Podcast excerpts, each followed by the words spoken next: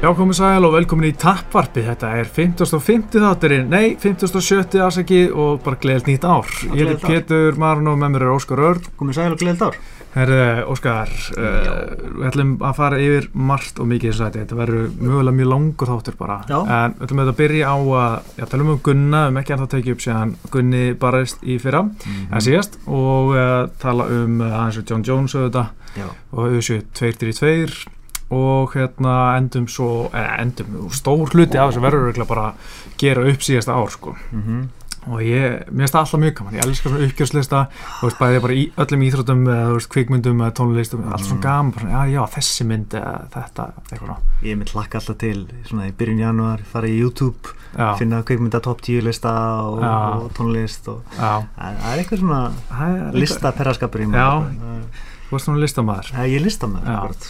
herri, byrjum bara á barndanum huguna gegn Alexólu verja, það var óbúslega gaman að sjá hann vinna og hérna, maður var þetta hann skýt stressaðar hann eftir fyrstu lútuna, það leit ekki Já. alveg nógu vil út, þannig að það var að granda pondan að mannum fannst bara svolítið í drasl í fyrstu lútu það var tvísýnt þannig Já, en svo, þú veist, þegar maður talaði um Gunni eftir þess að hann, hann með liði ágætla, hann hefði ekkert verið, þú veist, hann fannst þessu högg ekkert verið að hitta.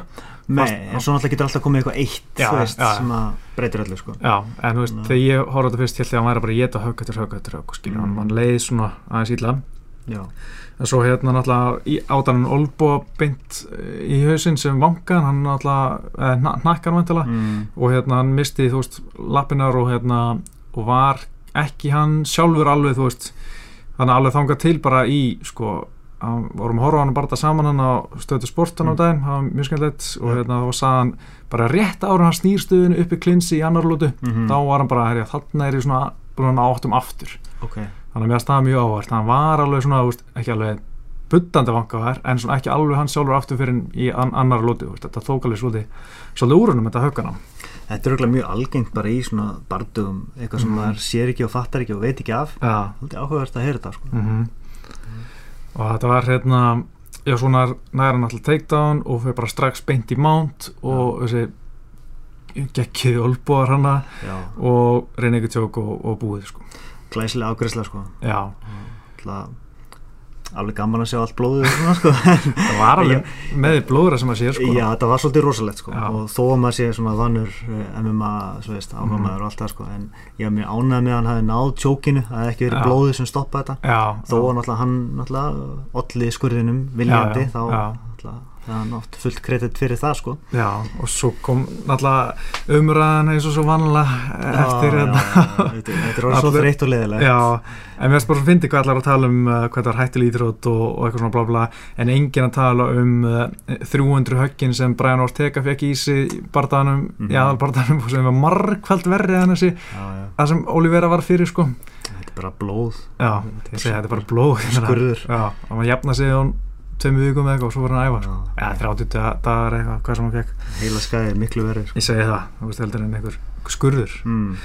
En hérna, nú vilja vil allir vita hvað er næstur Gunna, þú veist, hann er búinn að segja það að hann vil berjast í London í mars og það Mhm. er bara, þú veist geta alveg sagt það að það er verið að leita barndan fyrir honum en það er ekkert komið upp núna, það er ekkert nafn í gangi, það er bara ekkert að gerast akkurat núna. Nei, og náttúrulega eru bara örfáður unni sem að mann dettir í hug sem svona koma skýrt í greina sko. Já, og kannski að fyrsta sem maður er að hugsa að veri, allan ég hugsaði fyrst Darren til það hefði verið Mhm. svona fyrst, mitt fyrsta val í rauninni eh, hann náttúrulega er, er stærsta stjartan í Englandi núna fekk að berast um titilinn, náttúrulega Mhm. tapaði en, en er ennþá stór stjartna og, og er frábær anstæðingur og myndi eh, vera mjög þýðingamikill sigur fyrir Gunnar sko. já, Eh, svo náttúrulega er bara hinn englendingurinn þú veist, Já, það- það er Leon Edwards. Leon Edwards sem er minnistjarna en Mhm. er samt heimamaður og er rankaður fyrir ofan Gunnar mm þú veist, eh, hann er númer hvað? tíu, 10? Gunnar er 12. það er bara tilvalið þú veist, Já. eh, og en svo náttúrulega eru aðrir hann í kring líka sem að eru mögulegir eða þeir eru viljir sko. já, ef Það veist, þeir eru vilja, það það veist. er, það er alltaf vandamálið, sko. þeir snúast um það sko. Sko ég held að hérna og svona Gunni er í 12. seti og hérna og Líðan Edvarst í 10. þú veist og ég, það sem ég vil mest sjá er að taka svona logical næsta skref ekki stökka of hátt upp eins og Mhm. þú veist hann gerir gegn Demi Maia og svolítið hátt stökka upp við veitum alveg hvað sem var ekki alveg upp á þessu besta það er alltaf bla bla Já. en þú veist að frekar taka sig aðeins minna stökk og þú veist geta unnið sér hægt að róla upp ekkert superhægt en þú veist svona tekið rökriðt skref mm. Mm. Líðan Edvards í tíundasæti var bara mjög flottur anstæðingur því að mér veist það bara að Gunni geti, þú veist, er erfur anstæðingur Já. en Gunni getur unnaðan Mhm. og hérna og hann hækkar upp um, þú veist, þrjú-fjögur sæti Já. við, við þann sigur og þá, þú veist, geta að fara að banka dyrnar á topp 5 því að, þú veist, eins og við höfum oft talað um þá hefur Gunni kannski bara með tvo rangaða sigur eða, þú veist, gæðin sem hafi verið rangaðar þegar Gunni hefur unnað þá, eins og Albert Tumanov Mhm. og núna Alex Olivera Já. Þannig að þú veist, auðvitað er gaman sem hann átti Darren til því að þú veist, við sáum á- gegn Darren Woodley að það er hægt að taka Darren til niður og söppan skilju Já, já. og hérna ekki góður að bakinu Darren til, það er alveg vitamál og maður á búin að heyra það alveg áður sko frá þeim sem maður æft með honum Mhm. en hérna en, en sko ég vil, einhvern veginn, ég sí, langar mest að sjá Líðan Edwards en ég bara hugsa að það sé ekkert að vera að gerast með við það sem Líðan Edwards er að byggja um á samfélagsmiðlum Já. hann, sett, hann er búin að byggja um að vera á öðusu bara dagkvöldur í London búin að byggja um þrjá anstæðinga Darren Till, Hafaldur Sannjós og hérna Horki Masvidal Já. hann var ekkert að minnast á Gunnar skilur Nei, og ég hugsa ef hann væri bara svona að ég er til í að berast á Gunnar þá hefði hann hent nafnuna hans fram Já.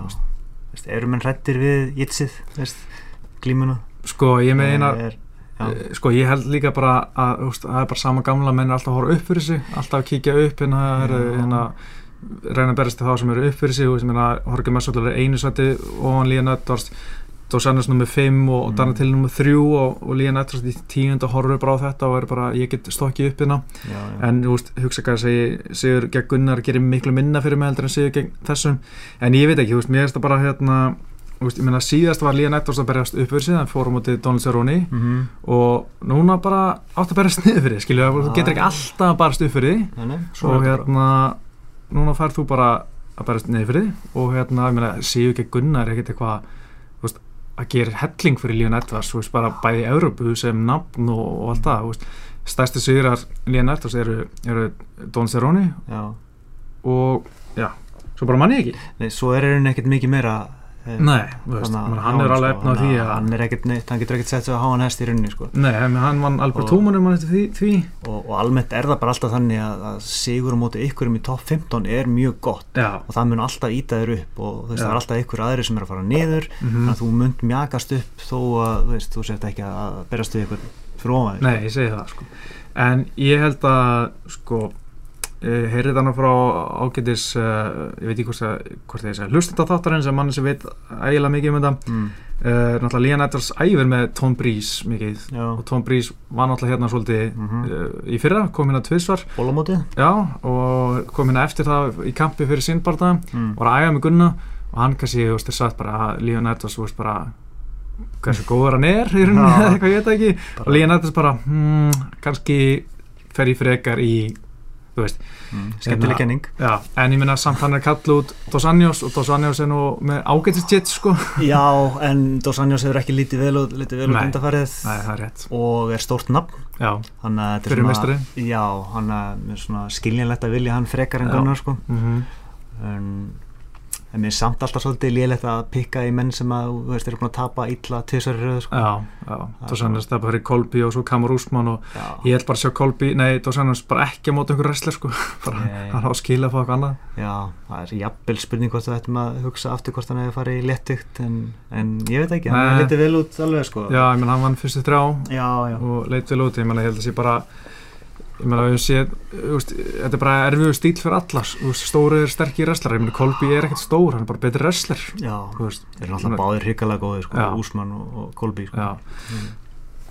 en, en sko ég meina, það er, ef við horfum bara á Mm. topp 15 listan, ég meina, það er þú veist, það er mótlið meistarinn auðvitað, svo Já. Kolbi Kóndón hann er ekki að fara að berast í gunna, Kamar Úsmann er að fara í meistarinn, Darren Till, þú veist, Mhm. gæt, gæt alveg gerst Stíðan Tomsson, það er gæði sem ég finnst svona að vera árum pínutreitandi Já, því hann er eitthvað svona bara þú veist, hann, mann ekki hann tala um hann vill ekki berstu gunna því hann er, þú veist hérna, ekki alveg nú hátt rangaður vill sjá hann vinna sig herra upp að hann fara á mótunum og allt, allt er góð með það, mhm, en svo er hann eitthvað, þú veist eins og hann vilji, ég held að hann vilji bara ekki gæja sem er að fara að taka hann niður ég ég held að hann vilji bara einhverjum svona standardi gæja þú veist, hann þú veist, var eitthvað svona spenntu fyrir Antoni Pettis þú veist, að Mhm. Pettis var að fara að koma upp í, ég veit ekki hvort, hvort það bull eða ekki, en, en hann hljómaður svona spenntu fyrir því, sko já, og þú veist, ég held að hann vilji bara fá einhverja gæja sem er að standa við sig, sko, ég held að hann nenni ekki að fara í gæja sem er að fara að glíma þeim, sko skilða alveg, skilða alveg mjög vel sko já, já. en, En ég meina, þetta er MMA, getur, getur ekki skilur. látið svona, já, hann Já. getur ekki hagaði svona sko, og ég er sammála hann er orðin frekar pyrrandi sko. Já, og þú veist, og hann hefur ekki verið skemmtilegur í síðustu það barndöfum, þú er veist, málið sko. hann er ekki bara að vinna mikið, þú veist, mér finnst hann bara ekkert að hafa efnaði að vera eitthvað, það er að koma með eitthvað statement sko. já, já, og ég menn hann getur alveg, menn hann barist í Johnny Hendricks sem er wrestler Já, og, og og pakkar honum snarróta saman. hann já. uh, algjörlega. það ætti ekki verið enn fyrirstað sko. Nei, mér finnst það, þú veist, ég veit það ekki, svo, þú veist, hann- hérna, svo er náttúrulega Santiago Ponsinibbi og, nei, já, förum hérna, Dos Anjos, hann er, hann er laus Mm. náttúrulega, þú veist, Gunni gæti alveg fengið hann, þú veist, en ég einhvern veginn efast um að Dos Anjos ég var að taka barða í Englandi núna í mars, þú veist, hann tapaði í seinti nóvambur og þú veist, ég held að hann, ég ger ráð fyrir bara hann vilji bara taka sér smá pásu núna þú veist, bara tapa tveimur partum fyrir gríla já, svo veit maður aldrei, kannski Nei, er nei. hann æstur að komast já, aftur hann, og- hann gæti líka verið sko. komast aftur í sigur svo er hann að Robbie Lawler nr. 6 hann er frá móti Ben Askren já. og hérna svo er Santiago Ponsanibio Mhm. hann er ekki frá móti Gunna en eitt sem að skriti Santiago Ponsanibio uh, sagði nei við Stíðan Thompson já, hæ, já, það meðast það mjög skritið sko. hvað hva geti mögulega verið ástæðan fyrir því Já, kannski er hann bara einhver meðslið eitthvað en, en, hlýtur að vera eitthvað svo en sko. mér finnst það mjög skrýta að neyta, neyta Stíðan Tónsson því að Mm. mm. veist, það er mjög fínt tækifæri fyrir Ponsanibia það væri bara bardagi sem að geti komið honum upp í titilbardaga svo Já, mest sko, eða það algjörlega. mest.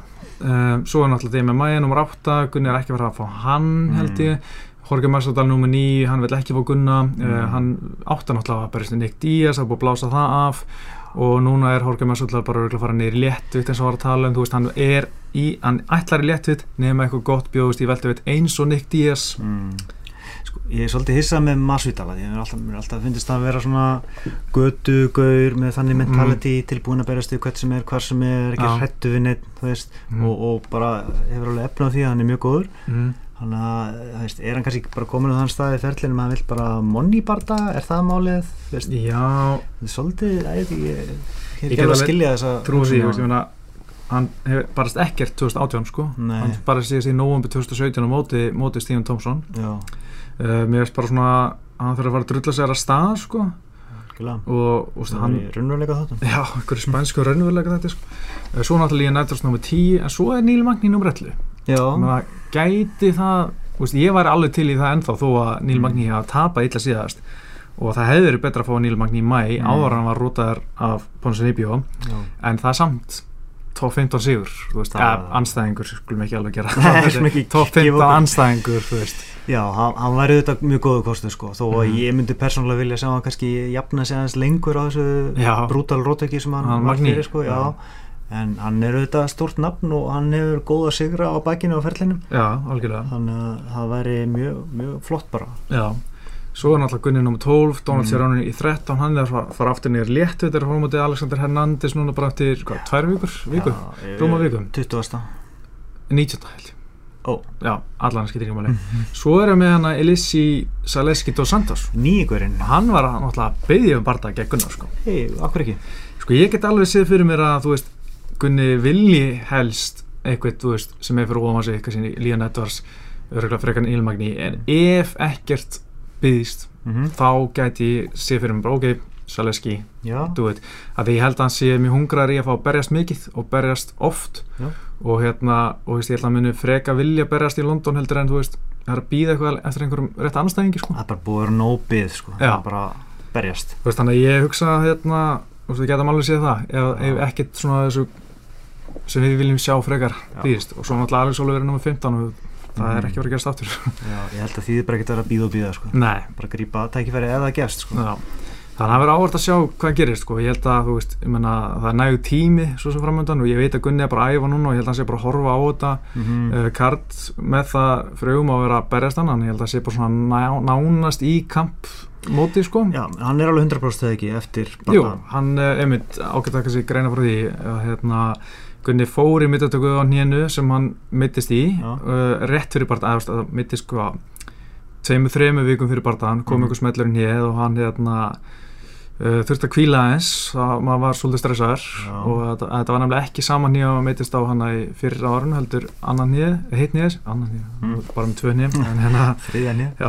hérna hitt nýja og hérna en hann kvíldi í einhverjan viku, ég veit ekki, tíu daga kannski eitthvað Já. og hérna og var alveg í lægi, fann ekkert fyrir í, bardan, í bardanum Mhm. og hérna búin í myndatöku og það kom ekkert ekkert neitt óvænt þar uppi hann var þú veist, bara svo sem búin í jafnan sem vildi bara vera just in case Mhm. Mhm. og þetta var bara einhver væg tóknun og ekkert til að hafa ómikla ráðgjur af og ok, hérna, frábært þannig að hann er alveg 100% healthy sko og hérna og ég er bara strax frá næfa hérna, og strax komið með hérna uh, í styrtaræfingar aftur sko, það, Já. úst, það var ekkert jólafrí það var bara, ég voru að gera það tóku hörku gamla sæfingu Mm. og hérna það er engin, engin kvíl sko þannig að hann er held ég bara úst, halda áfram að reyna Já.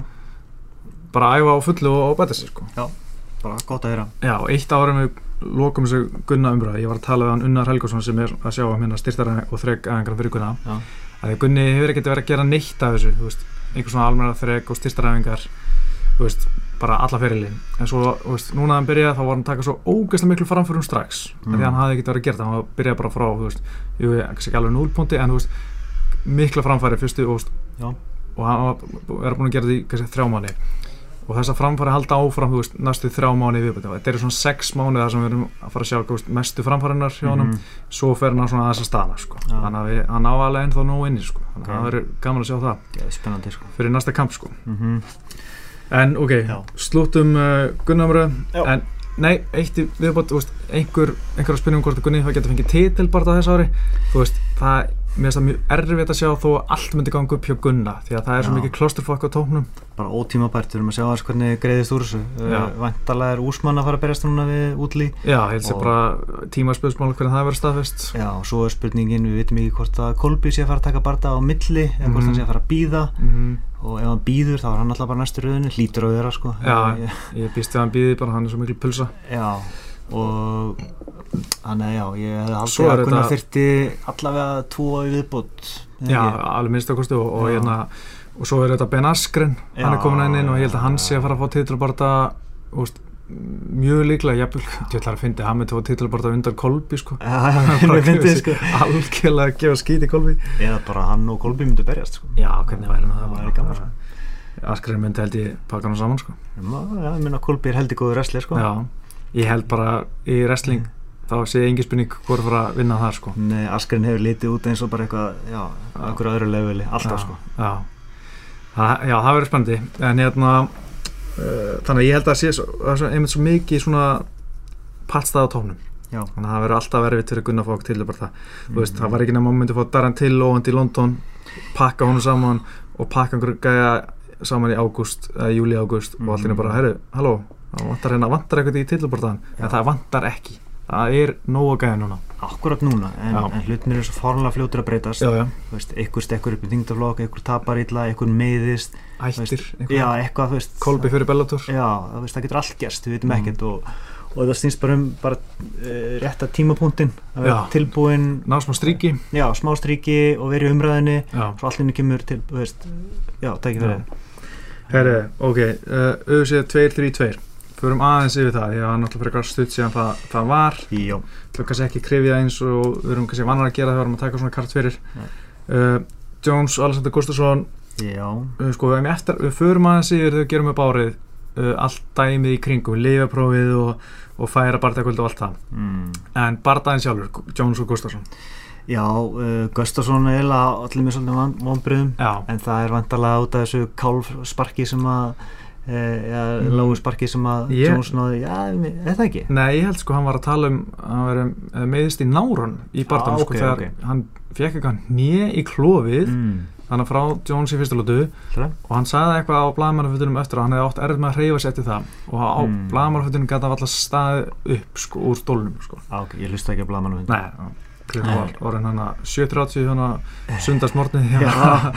ára Gustafsson en, Já, en Jones, þú veist, leit ókslega vel út í rauninni mm, um, menna hann er að- slökkti á þessum manni sem var búin að vera að vinna alla aðra já, eða þannig séð og allar um að Antonin Já, Jónsson já, og Daniel Kormi Já, já, akkurat, sko, já, ég meina, þú veist Já, ég segi- ég segi Alla svona. nema topphundana hana og, og, og var svona gaurinn sem var talin líklegast til þess að vinna hann og, Já. og menna hann Jones var aldrei í vandaræðum og, og dominera allan tíman já, þannig að þannig séð mjög impressiv sko já, mér finnst það myndi vera ákveðin vonbreið sko, því ég var að, mm. ég var svo mikið að ósma að býja þessum barða í fimm ár Já. maður var svo vonast eftir einhver svona svipuð stríði eins og síðast en, en það var bara ekki, þú veist, Jones stjórnaði fjarlæðinu ógeðslega vel bara með spörkunum mm. og Gustafsson komst aldrei í einhver svona box fjarlæði hans, amjast af Gustafsson aldrei heldur detta í gang, þú veist, hvort það var út af því eitthvað sem Jones gerði, eða hvort það, hann, það hafi bara verið reyfalengi sem vantaði út af einhverjum meðslum Mhm. sem hann var fyrir í barðanum og veist, maður er þetta að segja skilur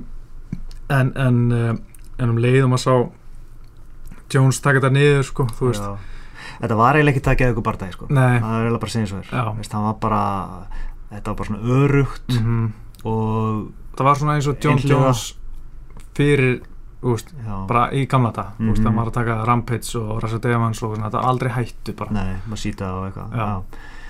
mitt sko hann, en, en alltaf spennandi að fá John Jones aftur og Já, já. sjá hvert hann Já. fer en já, já, já. ég ætla samt ekki að úst, úst, það var að tala um hans sem vera á móti Anthony Smith, Smith. núna í mæ, mars Mm? ég eh, ætla ekki að byrja að hugsa um þann barða fyrir en Jones stendst öll lifjapróf það á eftir að Akkurat. koma allt út af því og það er Las Og- Vegas já, já, og þú veist, maður veit ekkert hvað verður um hann, þú veist, og maður er bara svona maður býður bara eftir að koma einhvern hyggsli hjá hann, sko, Já, og veist, já. allt í hennu kemur bara eitthvað að hann uh, þú veist, mm mm. hrækta á leikskólabarnið eða eitthvað, þú veist, ég veit ekki, kemur eitthvað svona bara fárlegt og maður bara svona, oh, já, Jonathan Dwight Jones já. Þú veist.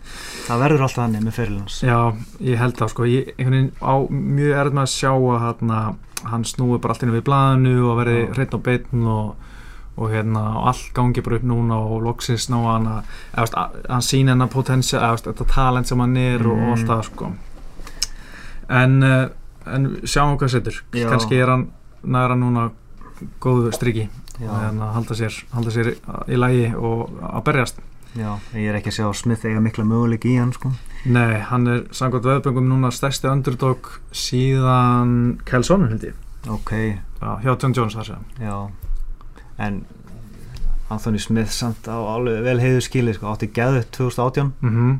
eh, þrjá sigra, eitt Já. tap reyndar byrjaði á tapi Já, svo bara í millivikt sko Já, minna vann sér upp úr því að vera í rauninni nobody Já, og er bara komin í titilbarta Já. veist, minnst það mjög flott hjá honum sko. Mhm. þannig að maður samgleðist honum sko. Já, og mér finnst það bara að sína líka bara, þú veist, enn eitt dæmið um þetta að veit hvað dæmið, þú veist, þú þarft Já. ekki að vera risastóri í flóknum, þú veist, nei, nei. og hérna, og þetta líka sýnir með að því við minnum alltaf að tala um titilbarta fyrir Gunnar já, veist, hvað það getur gest á stuttum tíma Já. ef allt gengur upp í smá Já. tíma sko. já, reyndar uh, léttvanguviktin Svolítið rýr, sko. Já, eh, já, já, jú. við verðum að Það er- taka það með í reikningin, sko. klálega sko. en hérna uh, Amanda Nunes og Chris Cyborg núna er svo náttúrulega bara sjokk kvölsin sko. já, Veist, eh, ég- áfsins jáfnvel, já, jafnvel förum sko. við það eftir Já, ok, þú veist, En- en, og þú veist, hún náttúrulega geði ekki í sínum þingdaflokki og Mhm. mm. veist, ég gaf henni alltaf smá möguleika en ég held Mhm. alltaf að Cyborg myndi vinna þetta samfærandi já, þannig að þetta, þetta er eitthvað sem ég bjóst aldrei við ég held kannski að Núnes myndi þú veist, vinna möguleika einhverja lótur já, uh, og, og þú veist, standa sig kannski vel og endast einhverja lótur en Mhm. kannski vera kláruð í þriðið eða fjóruðið eitthvað já slúðis en, en þetta sko, maður aldrei séð Cyborg vankaði held ég sko. nei, sko ég sá ég man hún tók eitthvað mútæparta út af einhverju algjöru legendi mm. sko svo hvað, 2012-13 já. þar sem hún var uh, tíkjóð í frekasegnd og síndi bara mjög góða takta þar gegn einni þeirri bestu í heimi mm. á þeim tíma allana og hérna svo því ég sá hann á móti þannig að maður hafði séð hann að tappa allana já. en svo sá ég hann á móti Holly Holm og þá var einmitt svona, þú veist, þá var hann ekki þessi brólir þá var hann bara mjög taktíst, Mhm. las Holly Holm var búin að lesa fléttunum hennar, bara enn og lótu og gera tæknilega mjög vel og vann bara eftir dómar okkur, mjög svona yfir við það Mhm. ég held að hún myndi gera eitthvað svipa gegn hún, hún myndi ekki missa sig í einhverju kæftæði Nei. halda sér bara svona á tánum og þú veist, hugsa bara þarna er alvegur anstæðingur sem getur virkilega meitt mig, ég ætla bara að gera þetta vala Mhm. jafnvel nota klinsi, ég hef búin að tippa það og ég er bara, mér hafst að vera svo logical, bara Mhm. herðu, við höfum séð að Núnes hatar klinsið, hún hatar að vera í klinsið, hún ger allt sem hún getur til að losna um klinsunni sem fyrst, Mhm. skulum bara pressa hann aðeins upp í búrið, klinsa við hann hjá hann sem að hann þreita hann aðeins, taka poppi úr höggunum hjá henni, Já, boggarnar fyrstu tvælótunar og svo kannski getur við fara að standa þess með henni Mhm. en nein, hún bara, eitt láspark hún bara, herri, þetta, búm, hérna hafið þetta og síðan allt inni var hún að fá Mhm. fullt að högum í sig og ég held að hún hafi bara svona ekki trúa að þetta geti meitt hana bara eitthvað panik og svo bara haymakers já, þannig að og veist, þetta var rúkslega gaman það var geðveikt sko. 51 sekund af einhverju brjála já, en, en mér finnst það bara óbúslega svona vittlust að sjá þetta hjá Já. Sæbruk, þú veist, þú veist, af hverju að fara að bróla mhm. þú veist, við Núnes, þú veist, ég hugsaði um þetta rematch gæti verið allt, allt öðru þessi sko. já, ég myndi tippa á Sæbruk í, í rímat, sko já, ég veit það ekki samt sko. Já. eftir þetta sko. Já, en svo held ég, þú veist, maður heldur oft að þetta sé bara svona að, þú veist, með betra gameplani þá vinnir, þú veist, svo sem maður held að myndi vinna uppalam, mm mm. en svo sáum við Jonathan Dezak og hérna Rósnáma Dúnas, já, þú veist, ég held að hérna, Jóna myndi taka rímatsi líka, sko, já, minni mig, ég minni að ég held að, að, þú veist, þá held ég mynda að hún hefði bara kannski verið svolítið gripin í landhelgi hana Mhm. í fyrst og myndi kannski koma inn með eitthvað svona sett gott gameplan en, en nei, Rósnáma Dúnas vann eftir dómarökun, kannski myndi núna skera það í rímatsi já það var alltaf alveg ótrúlegt sko. Já, á hennar henni heimavellir þú veist, standandi að, að mestu sko. já, ef mann barnaðar rétt sko. já, nákvæmlega Gekja, sko. þetta var þetta eh, bara úgeslega gaman og, og Já. hún er klárlega eina af þeim sem er svona fighter of the year já, og ég held sem ég er rétt að neyta því og, og hérna enn einu sinni Mm. sem við erum að sjá double jump koma úr léttarafloknum já, þú veist. einmitt sínir að hraði er mikilvægur já, það er bara máli veist, starðin Já. skiptir ekki svo miklu máli eins og allir halda tækni og hraði já, við erum búin að segja þetta einu mörg ár Þetta er Já. eins og við erum eins og hérna hvað sem var, gumul Já, billuplata Billuplata, já. já, en var hún ekki bara með einn annan sigur á árinu sem sagt, Núnes já, Jú, gegn Rakkul Penn, Pennington Pennington en- sem en- var svona svolítið mismatch sko. Já, algjörlega, hún átti ekki breyk sko, Pennington er bara ekki sjens en, en það er bara þessi sigur sem, sem gerir svo mikið, þú veist, að Já. vera double champ fyrsti, fyrsti double champ í, í kvennaflokkunum og að Mhm. tap, taka Cyborg, þú veist, Rota Já, Cyborg, þú veist, veist. það er bara það er svo epic einmitt, þú veist, maður er, er mjög er að sjá það fyrir sér, allan að ég átti mjög erfitt að já, er að sjá það fyrir mér þetta er bara svo þegar Holly Holm rotaði rondur á sig Já, sko. klikkað maður já, En núna vantar bara uh, Núnes að klára Hóli Hólm og þá er hann búin að klára allar það er eiginlega málið sko. og hver er eftir það? Cyborg aftur kannski Já, þú veist, ég er til að sjá það já, og þú veist svo er hún bara, ég, ég veit ekki Valentín Sjesenko far aftur upp eða eitthvað og allar Já. hún að vera double champ eh, ég veit ekki, að ég vil eiginlega bara sjá Valentínu aðeins stjórna þessum flokki þarna sko. já líka þú veist sí, síðustu barndag var svo ógeðast að leiðileg ég veit Já. aldrei sjá það aftur sko, Einmitt, bara sko. ef engan á það en þú veist, það er ekkit ég- þú veist, það var kannski gaman að sjá hann gegna Shermund Randami, já, ef hún getur drulla sér til að berjast oftar, hún alltaf barist bara einu sinni í fyrra og það var fyrsti barndana síðan hún vann hann á Hóli Hólm Mhm. þannig já. að sjá hvað hún getur gert En viltu sjá Núnes verja bæði beltin?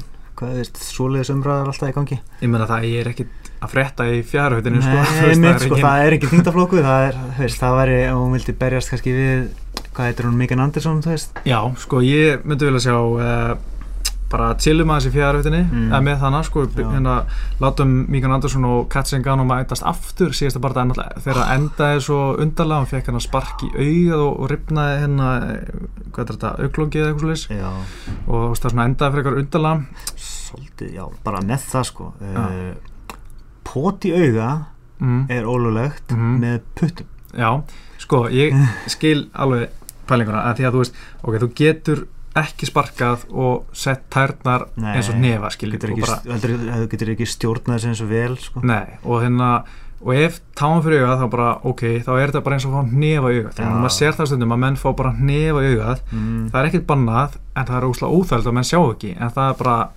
so sorry, þú já, veist þetta er alltaf öðruvísi, sko. og þú veist, ég held að Samt- sé bara svolítið sama viðmið, sko Þetta er samt ógsta fúlt, sko.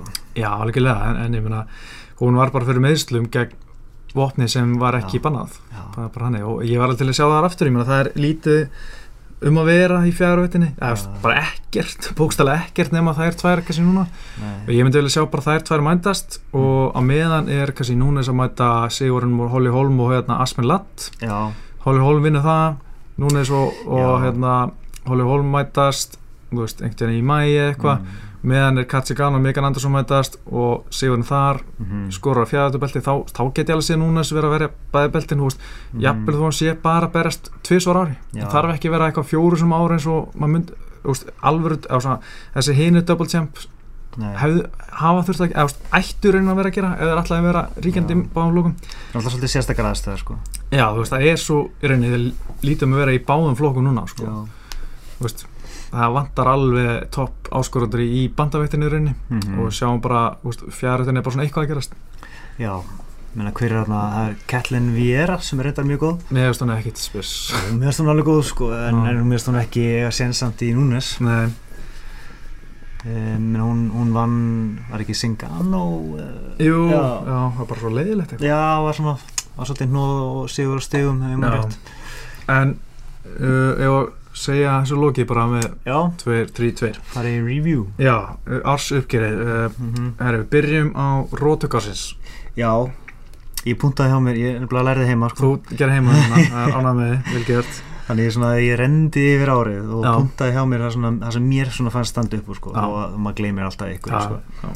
og eh, náttúrulega kannski augljósasta Mhm. er náttúrulega það sem var mjög seint á árinu og það var Jair Rodríguez Já. með Olbón sin sko, já, það, það, ég held að það hljóta að vera rótök ársins og bara svona til að koma því frá já þá, þá bara, það er rótök ársins uh, en það voru fullt af öðrum geðugum rótökum líka Já, sko ég bara, mér finnst mjög erfitt að velja ekki uh, það sem Róta Garsins að því, þú veist, mm, það er svo ótrúlega, ótrúlegt fáránlegt og, og hann var að reyna þetta Já, að, Einmitt. og tíu sekundur eftir og það já, er svo margt í þessu þú veist, að ég hugsa að, þú veist, ef, eins og sagt að vera, þetta hefði gerst í bíómynd, Mhm. einhver Hollywood bíómynd, þú veist, þegar gæjar Nei, tap og nær Róta ekki, það er einsökundar eftir, ég bara, koma, Já. þú veit aldrei gerast, skiljum. yeah, right. En þetta er bara, þú veist, stranger than fiction, þú veist, bara, stundum kemur, þú veist, flying armbar úr, úr suplex eða eitthvað, sko, Já, eða, þú og, veist. og veist, það bara, það er að beauty við þetta sport, sko. já, svo eru nokkur önnur sem hefðist ógæslega flott, uh, Já. hérna, uh, Jól Romero og Luke Rockhold, það Það- var svo brútal maður. Einmitt næst á listanum mínum, Já. bara, já, geggja, sko. Það var svakalegt sko. Það var alveg, Uh, mér finnst líka ma- mjög gaman að sjá að Lieto Mesita og Vito Belfort. já, Uh, það var hérna, framsparkið eða sett, já, aftur franskvart, beint í kemman. svona crane kick, Já, og svo neyjar hansi fyrir, fyrir hann, þú veist, það er beautiful, ógeðslega flott. Engi, það fylgdi ekkert eftir en eitt. Nei, uh, Hosea Aldo og Jeremy Stevens. Já, fannst það mjög flott. skrokkakið, Já, ég elska að sjá flott uh, skrokkök. já, mögulega eina svona stóra skrokkakið sem að ég man eftir, sko. Já, ég held að. Svo er ég með hérna, sett, eins og Ortega þegar hann rotaði Já. Frankie Já, Edgar, það var mjög flott. það geggja og líka óvænt, sko. Já, algjörlega, fyrsti maður til að klára Franki. Já, uh, svo hérna Hernández, það heitir hann ekki Alexander Hernández, uh, nýgur sem er að berast þessu róni núna, Eh. jú. rótaði hennar Benil Darius, alveg Já, bara á eftir okkurum sko- sekundum, sko. Já, já, það var Það- ekki bara eitthvað fljóðandi nýja eða eitthvað það var eitthvað, jú, gott ef ekki, sko, Já, geðflott. ok, Mm. Marlon Moraes, Já. hennar móti Rivera, já, sköflugur já, svona- sparkaði í hausinu á hann, geggja flott, uh, Curtis Blades, hvernig hann rótaði Overeem Já, í, í- Olbónir, já, já, það er brútal í fullgardinu hjá hann.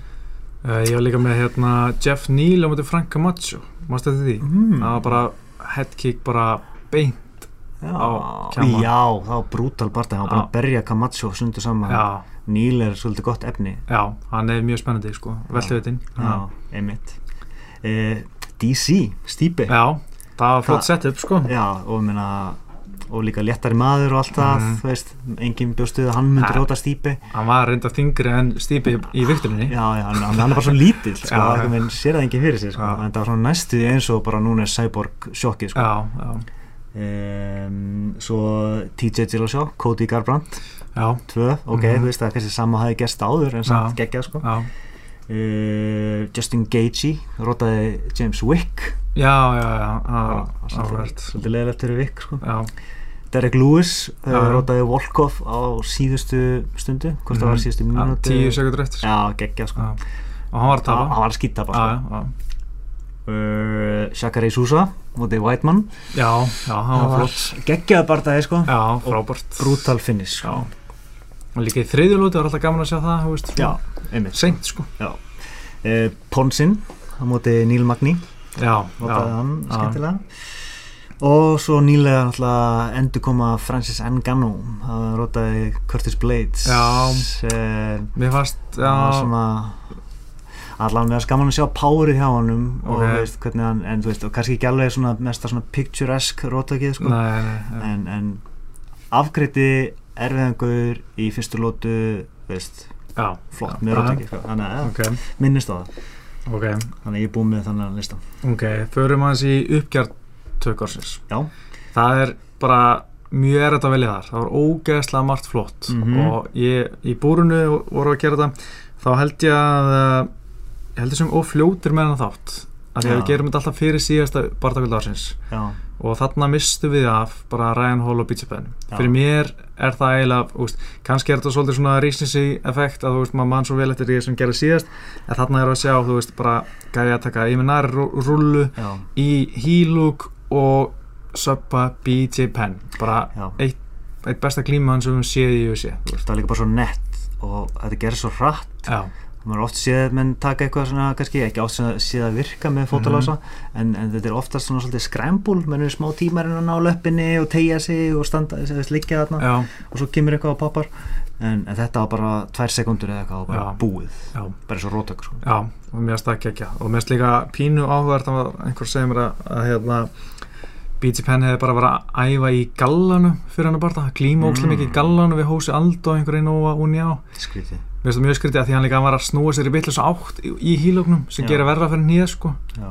og þú veist, ég veit ekki hvort að þú veist hann er náttúrulega frábæð glímaður en Mm. þú veist, það er allir að pæla í þessu fótalisum í dag þú veist, hefur hann ekki mikið verið að pæla í þessu eða, þú veist, hann, hann náttúrulega er aðeins að gamla skólan já, algjörlega þannig að þetta var kannski eitthvað sem hann, hann er ekki góður í sko. já, uh, Sabit Magomed Já. Sharipov það var Eh, sama kvöld samt og, og, og allt sem Cody Stamlin og- já. gerði það sama uh, UFC 228 Eh. Já. það var fárálegt og, þú veist, þetta er þessi Zuluef stretch eða Zuluef nýbar já, um þessi þrjá svona í sögu UFC og tveir úr sama kvöldi geggja sko fárálegt hann er minnst svolítið ósöngið hvert allsjó þegar, þegar Sabit er valinn og ekki Já, hann sko, sko ég Mm. veit ekki, það var eitthvað við sko, ok, Cody Stamen held ég sé betri anstæðingur heldur en eh, Brando Davis já, en mér fannst bara eitthvað við hvernig Brando Davis var í svo mikil kleinu já, hann- Já, mér það fannst það var það mjög eiginlega- flott sko en aðeins betra sko en, Já. já, þannig ég valdi Sabit nummer eitt sko Já, svo hérna Donald Cerrone, mm Mhm. armbarið það var, Mike Perry, Já, en aftur anstæðingur, maður verður alltaf að taka það eins með sko. já, uh, Mike Perry er kannski ekki alveg besti í jutsu Nei. klíma maður í heimi og sko. hann líka er ekki svo skarpasti í skúfunni því að hann ákvað að taka sér róni niður og endra á að söppa þér sko Já, það er svona lítur ítl út eftir á ekki já Svo hérna Anthony Pettis, hann kláraði Já. Michael Chiesa Já, og, flott. Já, og margir líka bara búin að afskrifa Pettis já, Það var svo geggja comeback hjá hann Mhm. Þannig að mér varst mjög gaman að sjá það og vel gert Mm. um, uh, Tyron Woodley já, Mhm. hann tók dars Darsi, á, á, já. á Darren Till það Já, er kannski ekki meira eða, þú veist, það er ekkit og flott fyrir auga eða þú veist ekki alveg hvað þú ert að horfa á Mhm. en þetta var, þetta var mjög impressiv vel gert og hann bara svona sá þetta og sneikaði sinn já, hægt og rólega og kláraði þetta örugla þannig að það já, var bara vel gert sko ég var með nokkur hérna að Sabit og Alderman Störlingu þetta en Mhm. svo erum við hérna, Paul Craig á móti Magomed Angalev mm. þegar hann Angalev tap tapaði út þær einsekundur eftir og sko Paul Craig var að skítapa þetta er hann að skoski gæði með skeggi hann tók, hann var, Já. það var í UFC London í mars minni mig Ok. og hérna, og Angalev var bara að buffa hann í tvælótur Mm. og í þriðlótur hann er bara í grandu hérna í gardinu hans og bara buffa hann og buffa hann og Paul Craig, þú veist, hann getur ekkert hann er hörmulur sko Mhm. og hérna, en hann er g- góður þú veist, að glíma samtalið, þú veist, að góður í gólunu og hann næri einhver træðingul, það er tíu sekundur eftir og hann er eitthvað að reyna að berjast um hann angalef og hann tappar út ein sekundur eftir mér Mhm. finnst það ekki að þetta sko, þú veist, bæði náttúrulega við sjáum ekki oft træðingul á svona high level MMA í dag og sjá einhvern tappa út ein sekundur eftir og þú veist, það var bara eina af endingum ársins og þetta geðveitt að ná þessu, þú veist, bara þegar þú ert að skítapa sko já, mér rámar eitthvað í þetta ég mann ekki eftir þessu skýr Nei, ég skal ég er að sína þér það en hérna, svo varst mér líka Felipe Silva og Claudio Puelles eh, Puelles, Puelles var að skýta upp líka það var algjört comeback og þú veist, það var bara að vera að berja neytir alltaf bara kílan tvisa sem niður þetta var bara svona, maður var virkilega bara svona að hugsa bara, já, ég er dómari, á ekki að fara að stoppa þetta sko. Mm. og svo einhvern veginn í annari eða þriði lóti þá nær Puelles að taka nýpar Mm. og þú veist, og tapar hann út og þetta var eitthvað svona fætnandi í Brasli og já, og hérna, ég held að það veri sko, ég man ekki hvernig að orða þetta en, en aldrei áður höfum við séð sko, ég hætti mikið mun á höggum Mhm. hjá, þú veist gæðan sem vinnur, þú veist, sko hann Pólis var með eitthvað svona 10 högg og Filip Silla svona 200 já, ok Þú veist, þetta var bara eitthvað styrlaður munur á höggum sem voru að lenda sko já, og þannig að hafa mjög aðstæða mjög flott og svo þetta vinnur okkar Alexi Oleinik gegn Junior Albini hann tók hérna í sikiltjók já, já, lætur geðveikt. sér detta af baki undir í halvkart og tekur þetta efst. Já. þetta er fárálegt að ná þessu sko gefur mántið já, í fyrsta lagi þú veist er mjög, þú veist, þetta er svona gítjók og þú Mm. ert að gera þetta, þú nota gallan til að grípa í Mhm. og þetta virk er mjög erfitt að ná þessu nógi hvað þó gegn sterkum anstæðingur sem veitir Mm. hvað þetta er og maður sér þetta bara aldrei í high level klímu, bara aldrei og hann er með 11 svona sýra Þetta er fáránlegt Þú veist, þetta þeir eru að prófa þetta eða? Já, en þú veist, þú veist ég næði þessu bara á móti okkur sem kunni ekkert að glíma sko. Þú veist, Ok. þetta, er ó, þetta er ekkert svona veit ekki, þetta er bara mjög erfitt að ná þessu og sko, ég, ég næði þessu því ég er ofan á í mount bara í toppstöðu, ég Já. myndi aldrei eins og reyna að fara í þetta af bakinu sko. bara ekki, Nei. ekki sens hvað það er undir í mount þetta það er bara fáralegt að ná þessu mjög óunilegt svona specialty Já, Eh, ég, er með- ég var með hérna Khabib minnast á hann, þetta var svona krænk hjá honum Já, þú veist, já. þetta var alltaf aðalega, þetta var svo stór viðburður sko. já, já þannig að þetta var, þetta var stórt submission, Já. kannski ekki alveg veist, ekki eitthvað tæknilegt, eh, flottasta. nei Nei, e, svo er ég með Charles Oliveira e, Mm. subbaði Jim Miller Já, sem að er bara, veist, að þetta er Jim Miller svarpöldi og bara hvernig hann gerði það, hann, hann, Já. hann stökk á hann bara, þetta var svo örugt Já, veist, það var það var stutt síðan þetta var já, veist, það var bara, og mér finnst Charles Oliveira að vera bara svo geggjaður já hann er svo já. flottur á gólfinu en, Já. en kannski ekki alveg að stendur upp úr sko. svo setti ég nú Gunnar Nelson Já, hérna á eh, blað sko. að sjálfsög Já. það var mjög flott þú veist bara þetta bara mántið að vera bara svona þólumöður með Já. að mjög flott svona glímulegsi Mhm. að því maður var stressaður að hann væri of þólumöður ég held að hann væri að býða lengi sko. já, en svo bara fann hann opnuna og, og fann að hann var ekkert að komast Mhm. út og var bara svona að taka sér sín tíma og Já. Olbói náttúrulega gerði allt sleipar og auðveldar að komast undir þannig að að það var mjög flott vel gert. stórkoslegt bara sko. já, hann, já. herru, Ég, hvað ég er ekki með fleiri já, já. Nei, hvað, allt- hvað allt verið næst í? Um, Þú ert verið bardamar ásins já, ég puntaði henni einhverja barndagar Já, ásins já. ok um, kannski engin svona eitt sem er alveg augljós það, sko. mér, það er hjá mér sko ok um, viltu segja hver það er? eða? Uh, nei, sko, ég, ég, ég, sko Ok, bara, ég- ég, ég er með top 5 lista sko. Já, ok, ok, ég er nefnilega ekki með þetta svona nákvæmlega Já, sko. já. Eh, Ég puntaði svona nokkra sem við hann standa upp úr, sko. Mhm. ok, ég seti hennar DC Já, þú veist, ok, hann, hann uh, tók fyrst Volkan Óstimir sem Mhm. var bara flott titilvörn í lettungaveikt já, fer svo upp og rótar stípi Miocic, Mhm. minnst það bara að vera þú veist, uh, eiginlega bara standa svolítið upp úr sko. já, champ, champ um, og allt, allt það sem á undan hefur gengið með John Jones og svona, það var svona uppreist næru fyrir hann já, og já, svo setti ég hérna Anthony Smith, því mér Já, finnst já. við vorum að ræða á þann já, En hann hann- er annir líka hjá mér Já, hann, þú veist, hann tapar fyrir Thiago Santos en svo vinnur hann Rashad Evans með Mhm. brútal rótu Já. hérna í Chicago uh, vinnur Shogun með álíka Mhm. brútal hætti og, og svo Volkan Já, þannig að það, það er bara geggja sko og, og er búin að koma sér í titilbarta mögulega veist, já, Já. eiginlega ákveðið með Mhm. John Jones mm, um, svo setti ég ég- mig langaði, já, ég setti hérna Musashi, bara minnast á hann já, þú veist, Já. Gegard Mousasi mér finnst alltaf Já. lega munna eftir munnum þó þessu konir í, Já. í Bellator sko. já Þú veist, hann tók hérna uh, Lima mhm, og uh, hann alltaf the, the Psycho hérna hann, hérna, Rory. Rory McDonald Já. já, hann stólið Tók hann Hann- líma, Douglas líma Eh, hann byrju, hvern tók Nei, hann tók, það hérna, var, það var Rafael- Rory, Rory tók Lima Já. fyrir geð Eh, Rafael Carvalho Já, já, já, já, sem var mistarinn þá Já. í þeim flokki Var- var Hann- Bellator hann vann millileita titilinn meistari, já. og varðan svo á móti uh, já, Einmitt. Rory McDonald Já. og svo hérna kannski já, svo, s- ég setti hérna Khabib og blað bara Já, því já, hérna. hann vann tvo bardaga. já, og, Var og meistari. stærsta bardaðan Já, já, svo myndi ég segja kannski minnast á Núnes já Sko, ég eh, myndi segja uh, Andrés Smith já, uh, Valentína Sisenko Já, og ég hústaði gleymdi henni. priskilu hana í februar og svo var Já. hann nýr flugvetamestari í, í desember já, veistu, ég, ég held, ég, ég leita eiginlega bara, ég slefti henni að því mér fannst þessi fyrsti sigur ekki vera ekki þess virði að tala um sko. Já, ég skilið þessi anstæðingur átti ekki að vera þarna Nei, nei, ok ok Uh, Ísrael Adesanya, já, 4-0. já, allt, uh, hann fekk þrjá framistu bónusa líka, já, hann var mjög flótur ég var svona meira að hugsa um hann sem svona nýlega ársins og Já, svona- hann er klárlega, hann er vonustjörn á sig sko, Já, já. en hinn, hann, hann samt einn af bardamann var sinns klárlega já, já, sammála og svo er þetta í Khabib líka, hann alltaf vinnur tvo barda en bardamar og svo er ein sem er svona mögulega, hún er svona í sjöönda sæti mm. uh, Kamur Úsmann er hann líka sko Já. hann vann tvo barða, kom sér í tillabarða mm, Jessica Æ vann, vann þrjá barða held ég oh, mér allt finnst í hún bara ekki flugutinu, en hún skemmtileg er sko. ógæslega leiðileg allt decision, tvö split decision split decision, hann pínar þetta að hafa hana með og mér finnst hún bara ekki vera ógnandi mér finnst hún ekki, Nei. þú veist, ég hef ekki trúaði á neitt að höggunum hennar sé að fara að meiða anstæðingin Já. að viti sko það veit.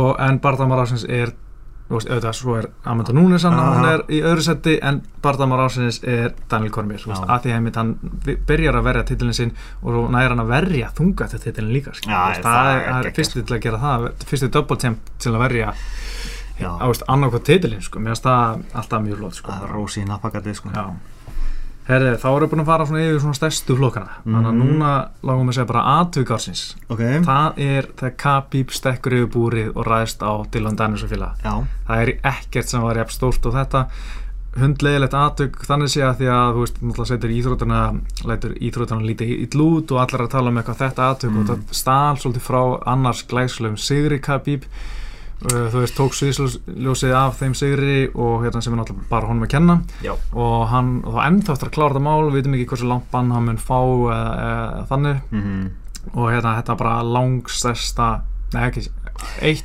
eitt af tveimur stærstu aðtökum ásins Já. en að mínum þetta er þetta stærsta ég ætla að nefna hitt aðtök Já. sko, að, Já. veist, að það rútu dæmið mm Mhm. -hmm. það, það náttúrulega var í fréttum út um allan heim já, og- þetta líka já, já, já, klárlega sko Já. þannig að það var reysastórt líka já, En- sko ég bjóð til nýjan flokkur það já Til að- það sko- það er margir sem komið til greina í þeim flokki nei, það er eiginlega bara alltaf eitt sem kemur til greina í hverjum flokki að mér sko. það það er nefnilega rúta ársins Já, já. það er þessi rúta árás er ekki BSI rúta þarna sem það kemur til greina Nei, þið miður sko, það var uh, ekki margir áskorandi hana, það var bara e- e- eitt aðtök. já, já, Það var alltaf bara sturla samt að gera Ah, þetta, ég bara, veit. bara allt við Khabib Conor var fáralegt sko. mér erst jafn fáranlega umræðan um þetta hafi verið sviðsett sko Já, algjörlega, að, að fólki skulle detta það í hug já, Þú veist, ég held að sumir hafi verið að setja við mig í vinninni bara til þess að æ- æsa mig upp já, sko já, þeir gera það svolítið strákarnir sko það virka. Já, var þetta ekki bara eins og, eins og í hérna, WWE já. E, já. Ég heyri þetta bara, Já. reyn allt sem gerist í öðusi, þá fólk setur alltaf svona, það er þetta ekki bara eitthvað, Leikrit bara uh, uh, skrifuðu eitthvað, bara Já, Ég held að fólk sé að fokki okkur sko Já, ég, nei, ég held ekki, ég held að fólk bara, að sé allir bara með samsæðishattin á sér og kannski er það bara auðvitað að kenna, þeir, þeir hafa engan trúurilega. Nei, og svona alltaf nota þér eins og rútu atvikið til þess Já. að auðlýsa bardaðan en, En ég menna eins og, þú veist, það er alveg, þú veist, saga barndans. Já, ég er sammála að nota það sko en þú, ef þú gerir það, Já. þá ertu svolítið að þú veist, bjóð upp á þessa umræðu sko Já, ok. Þannig að Herri, Já. næsta, næsti flokkur, það er viðtalásins. það hlýtur að vera saman ég er að hugsa um sko Já, Ég er, Karl Hugsa. ég er að hugsa um Derek Lewis já, það er rétt, tíu stygg. Hot balls My balls are hot, það er alltaf bara styrla, uh, styrla moment og hann alltaf fór úr stuðbóksunum og hérna nýbúin að vinna klikkaðan comeback sigur Já, sagðist ekki, sagðist hafa engan áhuga að fá titilbarta nei, en fekk svo titilbarta og að stórun hlut var út af þessu viðtali já hann fór upp í, þú veist, hann fór upp úr held ég eitthvað 300 followers á Instagram upp í miljón sko, Mhm. bara þetta viðtal þú veist, kom hann algjörlega á svona kortið bara sem einhver svona sem svona mainstream gæi, þú veist, Já. í 15 mínútur skilur, svo er hann núna eiginlega bara svona þú veist, Já, hann alltaf tapaði svo yesterday's- illa sko. já, þú veist, bara yesterday's nú sko Já, en hann fekk vendalega góðan payday út af Mhm. þetta sko, þannig að bara flott í honum. Já, og svo er næsti flokkur styrtaræðilega ásins, það er Popeyes hann Já, já. fekk Popeyes styrtaræðilega út af þessu, þú veist, Gekja. þessari fræði sem hann fekk Já, hver er í öðru setið þar? uh, hérna Carl Juniors Burgers eða eitthvað sem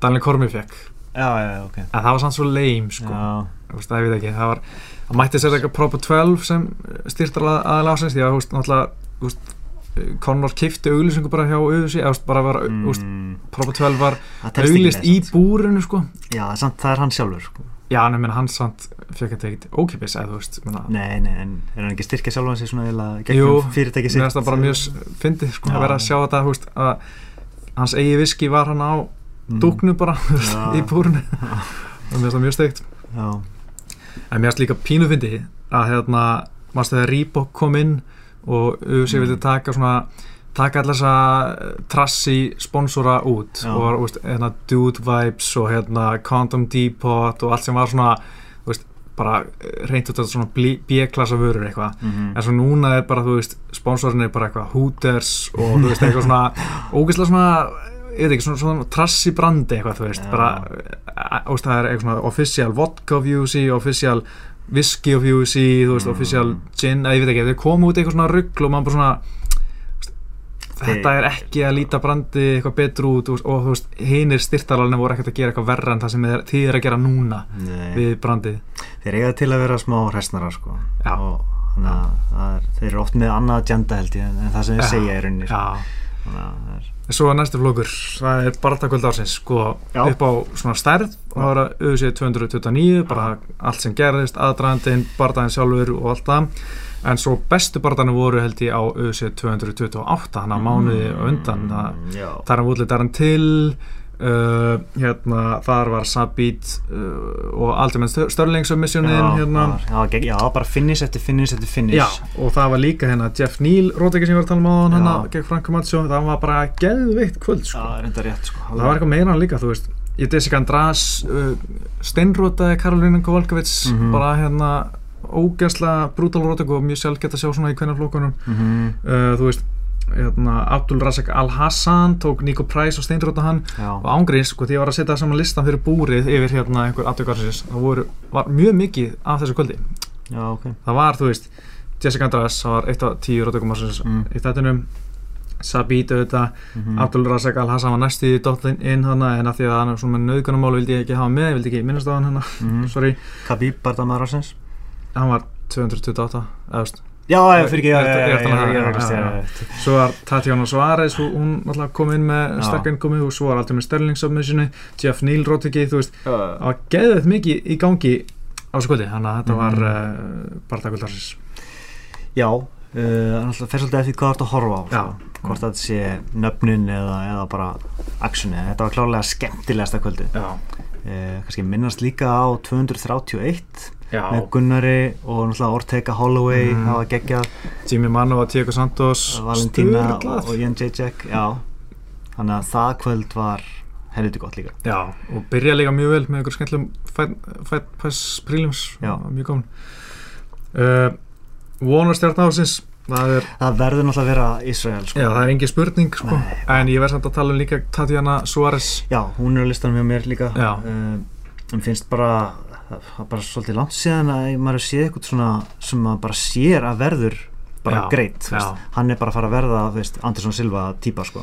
ég veist, eins og hann lítur út núna já, sko. ég, meina, ég, ég, bara, ég, ég get ekki ímynda mér að verða ekki sko, en þetta hefur maður oft séð eitthvað klika sko, já, menn hann er með svo, hann er svo skemmtilegur hann er ógslag kokki, hann er skemmtilegur í búrunu og óksla klár já, og þú veist, bara kemur mjög skemmtilega fyrir að gaman að hlusta hann tala já, en ég sé svona pínu sko þú veist hvort að menn verða svona þú veist, eins og þegar Conor kom inn var bara allir bara fannst mjög gaman að honum Mhm. en sen eruðu menn þreyttir á honum og a- allar sé hann svo hrókafillur og leðilur já, þú veist að því að maður, ég skynja svona pínu hrókastundum hjá Adesanya já. þú veist, mér finnst- mér finnst ekki leðilegt en ég pæli í því hvort hann verði hvort að fólki eftir að verða að ta- að láta fara meiri í taugun á sér eftir, Mm. þú veist, eitt ár, tvö ár þú veist. Já, mér er eiginlega alveg saman það sko. Já, Þú veist, já. Ég vil eiginlega bara sjá hann vinna bara dag, þú veist, Mhm. og berjast Mhm.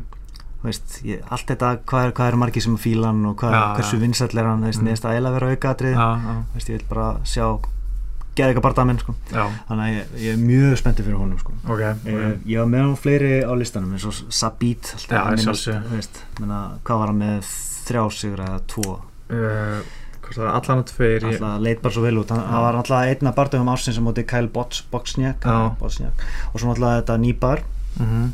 um, já, svo þú veist, ég setti hérna Úsmann og Kolby þú veist, þeir eru báðir svona þú veist, já, þú veist, Ég veit ekki hvort hérna það vonastjarna nei, ekki ennþá kannski Þú veist, þeir vera svona Contender, sko. established, sko. já, spurning hvað er það meina með vonastjörn er það eitthvað sem er ekki neitt í dag svona, eða- svona breakthrough fighter á því er einhver Já. sem var kannski ekkit, ekki umbröðinni fyrir ára síðan Já. en kom sér umbröðina þú veist, annan dæmi Dominic Reyes já, hann var svona valla valla á top 15 já, svo vann hann eitthvað í mæ og svo vann hann OSP í mhm, november, eða oktober og er bara komin inn á top 15 og bara mhm, þú veist, ein, tveimur barðum frá titilbarðarinnu, þú veist, bara í letninguhittinni sko. já. þannig að, Volkanovski hann hérna rótaði Chad Alexander, já, Mendes um daginn og Já. var með tvo aðra sigra á árunum mhm, þannig að það er, þú veist, Já. gauður sem enginn var að tala um Já, komið rétt. þrjá sigur og eitt reysastóran þannig að Mhm. hann er klárlega á uppleið sko. góð búintur eh, eitt kannski sem að, ég veit ekki hvort, eh, na, Aron hérna, Pico já, Bellator, já, maður, ja, sko, ég, að ég var að gera hana lista fyrir búrið þá erum við þetta bara að fjalla með UFC þannig að ég gleymum stundum Bellator þegar við erum að Já. reyðu bárið sko. Mm. en Aron Píko klála, hann átti kekja ár og þú veist, er að bara lítið út fyrir að vera ógeðslega góður bara, hann er svona, Gaman að horfa á hann sko ég held að tap hafi bara verið fínt fyrir hann í fyrra Já, eða já. heita fyrir hann núna Já, já, hann lítur út eins og algjör killer sko og rétt með að, Mhm. allt bara já, rétt að byrja fyrirlinn Já. og hann gæti orðið mjög stór sko. já, bara vonandi, fer hann í UFC ykti sko. já, eða bara vonandi að, að Bellator að vera hægt að horfa á það Já, em, ég vil bara, þú veist, það er bestu, bestu og bestu Mhm. það er bara eiginlega þannig sko. og, ég, já, ég var að nefna eitt nafn yfirbútt, Mhm. mm. Mackenzie Dörn Já, hún náttúrulega vann uh, tvo barða þessu ári já, ekkert síðan að sinni mæ en hún skeit svo harkala á viktinni mástu já, mitt hún var 123 pund í 115 pund að stráið það er rosalega lélegt slæm slæmt sko. og þú veist, ekki að segja eitthvað fætt sem hana en maður sá alveg, þú veist, hún hefði ekki verið að neitt svakalega duglega í matræðinu sko. Þú með að veist- virkaði mjög á skrokkin sko. já, þú veist, og af hverju ekki verið í flugvitt eða þú vilt bara frekar Mhm. aðeins fór leikar því að var líka alltaf svona umræð um hana í kringum hana já, að þú veist, hún svona hún vilji pínu vera bara svona venjulega stelpa og fó bara að fara að tjamið og leika sér og dansa og eitthvað, þú veist, mhm, ekkert mál að gera það en ef þú vilt gera það, þá ætti bara að vera í flugvitt og njóta þenn aðeins meira já, bara aðeins að lifa og hafa gaman, algjörlega ekkert að því Nei, það er ekkert að því sko. um, Svo veit ég hvort þetta maður minnast aftur á Anthony Smith já, Vest, hann alltaf er einn af hástökkurum ársins já, Gaur já, sem enginn var að tala um og er núna já, Þú veist. algjörlega En, já. já, en eh, Tatjana Suárez, hún er svona framtíðar Já. Hún er svona eins og, eins og Adesanya, þú veist, mm Mhm. á annan hátt Hún er á glím, í glímunni já, og virkar bara eins og hún geti orðið mistari á þessu ári sko. já, einhver kabíp Já. uh, svo er næsti flokkur, uppset ársins Já Þú varst með eh, eitthvað þar. Já, ég er með eitthvað punktað þar mm Mhm. Ég setti hérna Stipe Ngannou Það byggust eiginlega Aha. Já, um, fyrir mér sko já, Þetta er svolítið kannski persónulega sko Ok, en já, Ég, ég- bjóst eiginlega við að, að Ngannou, mér fannst hann bara vera sko, alveg Ah, monster fyrir yeah. ég- hann barða sko En ég ma- tippa á stípið sko, já, ég er mjög ánað með það Já, ég gerði það ekki sko Þannig að það, það kom mjög, mjög, mjög mikið á orð sko. Ok. Og aftur með Stipe þá DC hérna bara Já, það komið mjög mikið á vort Já, Já Uh, setti ég Núnes Cyborg sjálfsögum, sem að Já. ég er og uh, Roundtree á móti Gokhan Saki Já, já, já það er gott, gott uh, call Já, ég er mitt Mér fannst það mjög heimskulegt að ég var að heyra í Roundtree segjast að hann alltaf skiptast um höggum við Gókan Sæki Já. fyrir barðan, ég er bara, What? ægur, okkur er bara, why? mm -hmm. Svo róta hann það bara Það var Einmitt. gekkja og Gókan Sæki er náttúrulega þessi legendary kickboxer, þú veist Mhm. En aftur eru að sjá bara, þú veist, það er allt annað að vera að stræka í MMA heldur en kickboxið með þessu litlu hanska einmitt, eitt högg Já, ég seti eitt barða sem, ég, ég veit ekki kannski, er þetta búmilistan? nei, einn eftir, Ok, viltu já, taka þinn? já ég, ég er nokkuð sem að það sé síðustu barðaðin Það er uh, Henry Cejudo og DJ Ah, passar Já, það er bara, ég hafði enga trú á uh, Henry Cejudo fyrir barðaðin Nei. Ég veist, hugsaði bara, þú veist Ég trú ekki að hann að bætt sér það mikið að hann geti bara unni Dimitris Johnson að Dimitris Johnson var bara leit út úr ósigurandi og og, maður, og rústa hann við fyrsta barndan já, einmitt, rústaðanum og maður bara svona þú veist, var ekki það spenntu fyrir þessu barða en svo er þetta bara mjög eh, bara þrælspennandi og ógæslega vel gert hjá uh, mm Cejudo já, og þó að það hafi kannski verið svona mjög tæft og einhverju hafi viljað meina að DJ vinnið og okkur svo mm en þá kom þetta mér ógæslega vart hvað hann var mjög, bara ógæslega góður sér út og, og hann skildi að vinnið já hann má deila um skórkvörðin, þú veist Mhm. en, en hann stóð sér úksla vel Já. og átti ekkert þinn til að síður skilið að vinna heldur en DJ sko. Nei. þannig að -hmm. mann byrjunin á þeim barnda ég held að hann væri öklabrotin Já, það það var fárlegt sko. já, bara ekki sé það fyrir að síða sko Nei, mér finnst það alveg pínu leiðilegt bara svona, óh, Já. eitthvað svona, þú veist algjör bömmur sko Já, en, Herri- Það virkaði bara eins og það hefði verið bara, þetta hefði verið eitthvað tauga eða eitthvað. já mjög skrítið sko, ég skildi ekki alveg Nei. Næsti flokkur, það er skipti ásins Þetta er alltaf bara skipti dýl aldarinnar Já. Það er uh, One FC og UFC skiptu á Ben Askren og Mhm. Dimitris Johnson Þetta er alltaf einu, einu skiptin sem það hafa verið, sko. En, Það er bara, þetta er ótrúlegt og, Maður líka, bara og, trúði líka, þess ekki og líka bara að þú pælir í því, þú veist, að skipta besta bardamann í heimi, Já, basically, eða einum kannski, já Mhm. einum topp þremur. Fyrir gaur sem að ekki allir eru spenntið fyrir og Mhm. Deina hefur sagt að hann vildi aldrei hafa yfir sér og Já. það er svo margt skrítið í þessu, sko. Dana White sagði einhvern veginn I'd rather watch flies fuck Já. than watch Ben Askren fight Þetta er bara orðrétt það sem hann sagði Já, og hann bara skiptir DJ út fyrir þann gæja sko. já. Það er magna ég man sko þegar við sáum þetta voru nýbúin að klára eitthvað tapvarp minnir mig. ok, og þá kom þetta og maður bara Já, akkurat. ég held að vera eitthvað svona fake news þetta hljómaði mjög feik sko, já, og bara- hljómar eiginlega ennþá mjög skrítið sko. Já. en, en samt meikar ákveðin sens eins og fyrir DJ já klálega þannig að, mér finnst- að ég- samklæðstón, ég held að hann eigi ekkert eftir að sanna í UFC sko. Nein, og þú veist, hann fær bara auðveldur anstæðinga Já. og fyrir meiri pening einmitt, og getur notað alla sponsorana og Mm. þeir alla, þú veist, OneFC er eitthvað að fara í hérna, e-gaming, þú veist, svona, hérna, Electronic e-sportsi já, og hann er náttúrulega fullu þar og þú veist, þetta er bara held gott bara business tækifæri og meina af hverju að segja nei við því og gaman að prófa eitthvað nýtt mm þú veist, þú veist, hann er búin að setja þetta geðuga met Mhm. Já. með, þú veist, og hann er aldrei eftir að, var að þú veist, býta það, þú veist, hann, na, það er ekki hægt mm og ég bara sé ekki hvað hva var eftir hérna fyrir hann nema Nei. að fara að þingja sig upp og, og hann hefur reynt það áður á móti Dominic Cruz Já. og það gekk ekki vel nei, þannig að bara briljant sko já Herre, ég er með næsta vlog Já. Eh, Við erum komin í smá svona joke-loka og ég er ekki að menna svona sound effekti ég er, ekki- eða, þú veist, ég er búin að hlusta á þetta fókbólta.net Já. þeir eru að taka upp ás uppgerða mjög skemmtilegt mm -hmm. uh, og þeir eru alltaf með eitthvað svona lag undir og eitthvað svona ei, en ég er ekki með neitt þannig og, ég- og ég gerir eitthvað svona Nei, Word. nei, ekki, ekki, please nei. Hérna, það er saumur ásins Það Já. er Alex Oliveira Já. Fyrst að sagt hann hefði fengið 29 spór Svo alltaf Mm. hann er komin í 38 og, og þú veist, það er ekki það stórt Ég bara skil ekki hvernig hún getur saumað 38 spór í svona Nei. lítið En ég veit ekki, ég er engin lagnir sko, veist. er þeir að sauma inn í Ég held hann alveg sko. já. á, og svona lok, nokkur hæðir af, af spórum eða eitthvað ég, bara, ég veit það sem ekki bara fá lækni hérna í, í Já. taparfið Já, einn daginn já. Og hérna, náttúrulega, hann er komið með eitthvað Harry Potter ör hana Mm. og þú veist, þetta var bara svakalögur skurður eftir okkar mann, eftir Gunnar já, drengurinn sem liði Já, Heru, Heyrðu. já, ég, meni, ég held að sé engin annars skurður sem að mögulega komst nálat sko. nei, ég var svo sem ekkert að googla verstu skurðina á þessu ári en, en, en mér varst bara, bara svo næ, er svo næst okkur Já. Anna, er Svo er annað dæmis, annað flóku sem er næst okkur líka það er óþefur ársins já, Það fær, uh, í rauninni, er þetta gamalt dæmi en Brando Thats og Gunni Gunni, sko, Gunni var náttúrulega áttu berjast í Níl Magni í maí já, og þegar Níl Magni postaði eitthvað á Instagram hei, ég er að berast í Gunna Brando Thats æðingafélagi e, Níl Magni segir bara bói, úst, hann var líktaði hörmulega, bara versta skítalið sem ég nokkur tíma fundi á anstæðingi minu ok og mér varst það mjög fyndið Mm. mm. og þú veist allan að Halli og og Nelson og þeir sem voru í kringum hann Gunna þá muni ekki eftir að vera eitthvað sérstaklega vondlíkt á hann og þá Nei og þeir eru náttúrulega faðmann og svona fyrir barðan eftir Já. að finna já, hann ég veit ekki, kannski er hann með óvinnu stert líktaskinn hann mm. Mm. Brando Thats já. en ég get alveg svona þú veist, kannski hefur Gunni bara ekkert farið styrtiðan á morgunin Mm. kannski ekki eftir viktununa þannig Nei, ja, það virkar daginn undan og Já.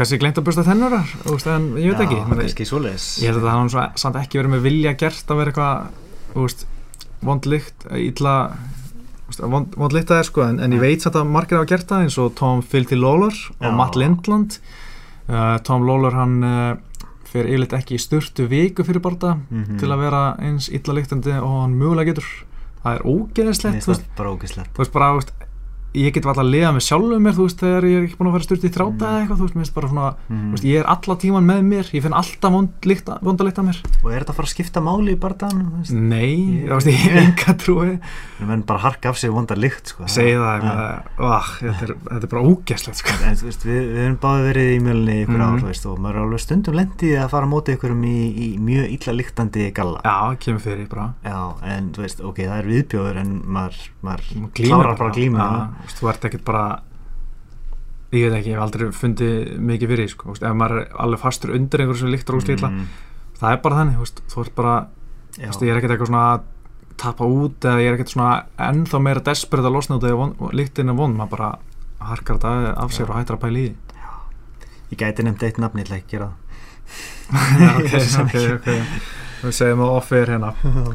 Herri, svo er uh, Fuck You Arsins Já, byrju, ég, ég strikkaði ekki, ég tók ekki eins og með hérna. Hva, Nei. hvað ertu að pæla? Það eru auðvitað bara UFC við aðdæmdunar Já, já, já, já. fyrir UFC 232 Pældi í því, þú veist, við hefum Gunni hefði kannski getið að vera á Já. kartinu Við hefum jafnvel verið búin að tryggja ykkur flug til Las Vegas og hótel þar og svo bara sex stöðum fyrir barndagkvöldi Mhm. bara svona nokkur dögum áður en við varum að fara út þá kemur við þessu bara, herðu, hérna afsaki við ætlum að færa barndagkvöldi til Los Angeles nokkrum klukkutími frá, fjórum, fimm klukkutími frá Mhm. og hérna þið getum fengið endurgreitt eða eitthvað en en við ætlum ekki að gera neitt meira fyrir ykkur ótrúlega svekkjandi sko. Já.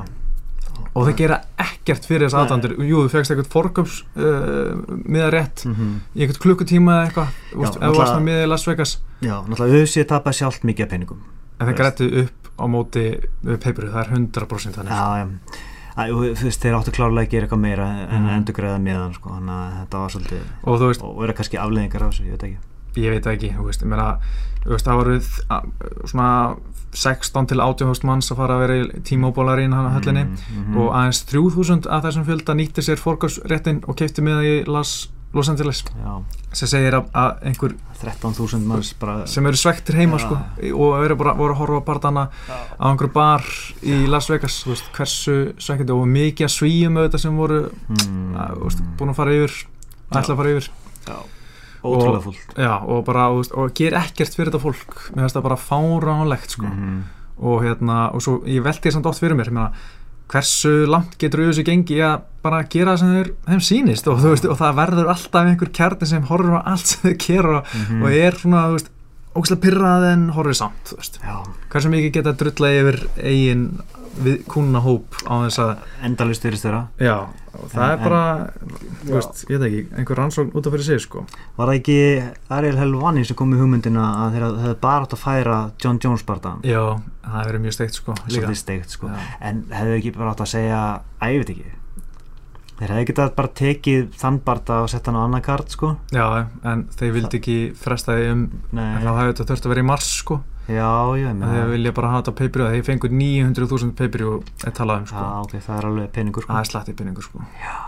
en þú veist, ég meina þú veist, UFC, það er engin takmörk fyrir hvað UFC getur drulla yfir aðtöndar sína svona, þú Æ, veist, þeir hugsa bara um peningin já það er bara þú veist, ég velti fyrir mig hvað þeir þurfa að gera til þess að fólk bara hætti þú veist, kannski er þetta bara þannig að, þú veist, að eh, fólk missir áhugan þú veist, minna og minna, ég meina við sjáum það að peipriðu er miklu minna Mhm. núna á sem, svona venjulegu kvöldum heldur en síðan koma stóra stjórnir eins og Conor og John Jones mm Mhm. -hmm. þá er þetta alltaf, fer þetta alltaf upp sko. já, ég meina það er bara 250.000 kvöld peipriðu á þú veist, svona venjulegu kvöldi var þetta komaður óvart 900.000 pay-per-views Nei. John Jones en það enga til sko. hefur þetta bara verið Conor sem er að ná þessum hæðum sko Já, ég meina síðast John Jones barðist þá var það gegn DC þá var það svipa hátt sko þannig já, ég held að það myndi kannski vera svona 750 af því að þú veist, það er engin rígur hann af milli hans og Gustafsson sérstaklega mhm. kannski hjálpaði það að núna svo Cyborg Já, ég held að sé samt svona Cyborg er alveg stjarnar sko Já, já, en ég held og að annar allir- konahópur sko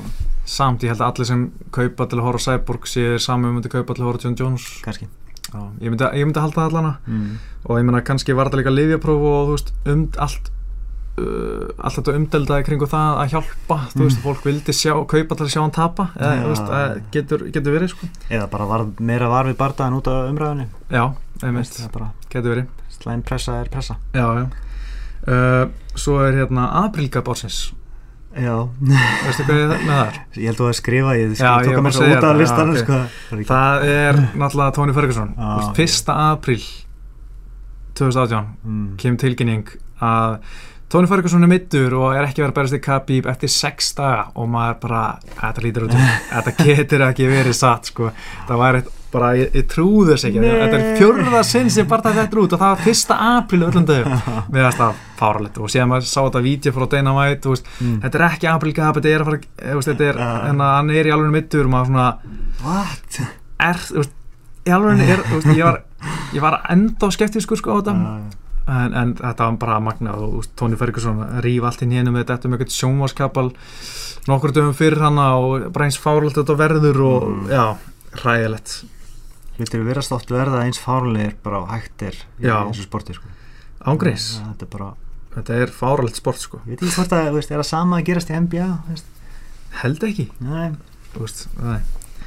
Uh, svo erum við orð ársins það er píkogram það lítur að vera, Ah, já, Já, þetta ég sé- hafði ekki heyrt um píkogram fyrir en uh, fyrir nokkur döfum síðan þegar liðjubróðið hjá John Já. Jones kom upp því lít stöggla staði þannig já, og ég skrifaði það svona 20 sinnum í aðranda barndans og hérna, og þetta er náttúrulega leiðupróf var náttúrulega mjög skrítið og allt þetta Júsata mál mjög skrítið Mm. og eh, hérna en við náttúrulega fórum ekkert yfir á það en getur kannski aðeins farið að núna að þú veist síðast þegar John Jones fekk uh, 15 manna bann þá f- voru 20 til 80 píkagröfum sem fundist í liðabrúnans mm. núna fundist 60 og hann fær samt að keppa að því að þeir halda að það sé þú veist bara leifa frá því síðast hann tók óvarstera eitthvað eitthva Mm. kjartaði og þú veist þeir geta ekki sínt fram á það að það sé sama efni en geta heldur ekki úst, afsanna það. Já, em, em, mér finnst svolítið erfitt að tjá mig um þetta því að veist, maður veit kannski ekki alveg nóg mikið um þetta Nei, og sérfræðingarnir verðast ekki eins og vera vissir nefnilega en hann fjall á livjaprófi já, og bara þú átt ekki að vera með þessi liv í þér punktur já, og það átt ekki að berjast þannig að Einmitt. þetta á ekki að vera flóknar en það er nei einnig sko. Þú veist, þeir komið með einhverja zero tolerance stefnu þegar Júsata kom fyrst Já, og það er greinlega var ekki í gildi núna nei og ég menna, þú veist þeir Að töluðu ná- við helstu sérfræðingana Já. og sögðu þú veist, að hérna, töldu að þetta væri bara frá sama skamti og áður ok, ekkert mál, en mér er samt mjög skrýta að fá að njóta vafans með alla hans sögðu það er engin Já. það óöfinn að fellið þrísor og leiðuprófum, nei. þú veist, án þess að vera clean á sama tíma er, er ósangjant ef þetta er sami skamtur hann er búin að taka út þú veist. en það þarf þá að sanna það sko. Já, það er að sanna og þú Já. veist allan það er rannsóknir sem ég var að skoða og Mm. með hjálp eh, lífefnafræðingsins Brynjars Örs mm. hérna glímarinn Já. og vísindumarinn mm. að hérna þá hefa sko enga rannsóknir sínt að sko að þetta sé hægt fræðilega sé og, eh, nei, þetta- sorry, ég ætla að endur orða þetta þetta er hægt fræðilega sé að vera með sama efni svona lengi Mm. en það har bara aldrei verið sínt fram á það nei, og þú veist, sang- að samkvæmt einhverjum ofinbjörun rannsóknum og þú veist, önnur, önnur dæmi þú veist, að svipa rannsóknir Mm. þær hafa sínt fram á að efni getur verið inni í svona 200 daga mm. og svo bara hættu rannsóknin þú veist, þeir voru ekki að bara nettu sig eða fóru að gera eitthvað annars skilur Mhm. og bara rannsóknum búin Já. en þarna var John Jones búin að vera með þetta í 450 daga, þú veist, tvöfall lengur heldur en næst, nærtekasta dæmið sko. Já, en þið voru að segja uh, að hann, hann, hann stóðst ykkur lifjapróf rétt áður eða ekki Jó, og að því hann stóðst þau þá er líklega skýringin að, að, uh, að þetta þessi efni hafa verið að fela sig í, í fytuvefnum Mhm. og komið út þegar hann var í weight cutinu eða eitthvað svoleiðis, já, sko. það er fyrra Já, skýring sko. ég- að ég bara Menna þú veist, það fannst ekkert 9. ágúst 2009. ágúst fannst þetta já, uh, bara 8 píkagrönn sem er sáralítið Já. uh, 8. september fannst uh, síðan 21. september ekkert 2. oktober ekkert, 11. oktober ekkert 14. november ekkert, 9. desember 60 píkagrönn já og þú veist, það er vist ekki mikill breytileiki frá þú veist, 10 upp í 60 mm. en ef þetta verið frá 60, uh, 10 upp í þú veist, 100 eitthvað, þá hefur verið allt annað sko já, ég, ég er alveg hættur að skilja þetta sko Já, já, en þú veist Bara- bara, bara- það er annað dæmi um hérna var einhver uh, uh, strákur í háskólaboltanum í hérna ameríska fótboltanum, mm. hann var með fór í aðgerra öxl og fór í hérna, þú veist, einhverja styrasprautu á aðgerðinni til þess að rekóra og það var, þú veist, að í hundruðu leifubröð eftir að var hann alltaf að finnast einhverja leifar af Mm. þessum stera eftir styrasprautan sem hann fekk eftir aðgerðina en hann þú veist, var ógæslega lengur en að losa þetta úr hann fór í einhver svona aðgerð til þess að fjarlæða einhverja fytufrumur og svona Já. þvílíkar aðgerð til að Ok. losna með þetta Mm. gekk loksins og þá mátt hann keppa hann mátti samt ekki keppa, hann fekk Mm. ekki njóta vafans og það var zero tolerance já, mm. mér finnst það svona, það er munurinn já, það er munurinn sko. Aha. en ok, herri, við erum bara að tala um þetta svona nokkur, nokkur Já, deginn það er spurning hvort að þú veist uh, mundu aðrir bardamenn með minni fræð þú veist Mm. fá sömu meðferð eða er það peningarnir sem er að hafa já, það er áhrif þarna? spurning sko, það er spurning það er erfitt að trúi en, en, en svo horfum við á Júsata, þeir þú veist, gáu upp hverju sérfræðingan voru og þeir, þú veist, leggja sitt orðspora veði Mm, já. fyrir þetta að telja þetta er sami skamptur og síðast þú veist. það var einhver annar bardamaður sem lendi í söpu Frank Mýr, já, en einmitt. hann, hann fór aldrei með álega lengra, hann áfyrir aldrei hann bara Mm. tók út sína refsingu já, og þú veist, Jeff Nowitzki sagði að hann en það var sagt á þeim tíma við Frank Mýr að þetta getur ekki hafa komið úr einhver svona uh, earlier með sama injection mm.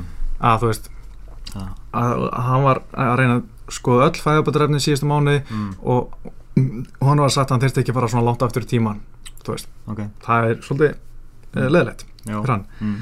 En ok, uh, viktun ársins já Það Mm. er auðvitað þú ert með þetta en til daran til Já. fyrir sig í Liverpool já, og til að reyfa það upp þá átt hann að berjast í Tí- Stephen Thompson í Liverpool sínum heimabæði bara aðalstjarnan og hann Mm. er 174,5 pund tveimur eða kílóm og þungur mikil skita algjörskitta og hann hérna ma- þarf að síðan að vikta sig aftur daginn eftir í hátun og má ekki vera meir en 188 pund þar, hann nær því en það var erfitt, það var Mm. vesen sko og hérna og svo náttúrulega kemur nokkur dögum eftir einhver vídeo af hann að kötta sem þeir voru fljótur að taka út samt og þar var hann bara, hann gæti ekki staði hann gæti ekki Mm. séð lengur að var að skera svo mikið niður Jesus. og hugsa bara hvað eru við að gera hérna?" hana já, já.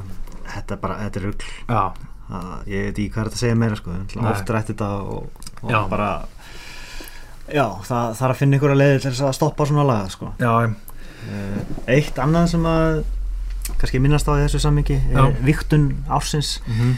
Ciara Eubanks já. Það var mjög ekki- gaman, hún var brjáluð hún fekk ekki tætlisjóð já, og svo bara náði hún ekki vikt Já. í næsta barða það var mjög fyndið sko það var bara svolítið what? Já, hann var, þú veist, hún var svo svona entitled eitthvað, þú Já. veist, já, þetta skilið, Já. já, gefið mig til bara hvernig dyrfist að taka þetta á mér og svo náði hann ekki vikt. algjörlega sko. Það var algjör skitta, sko. What?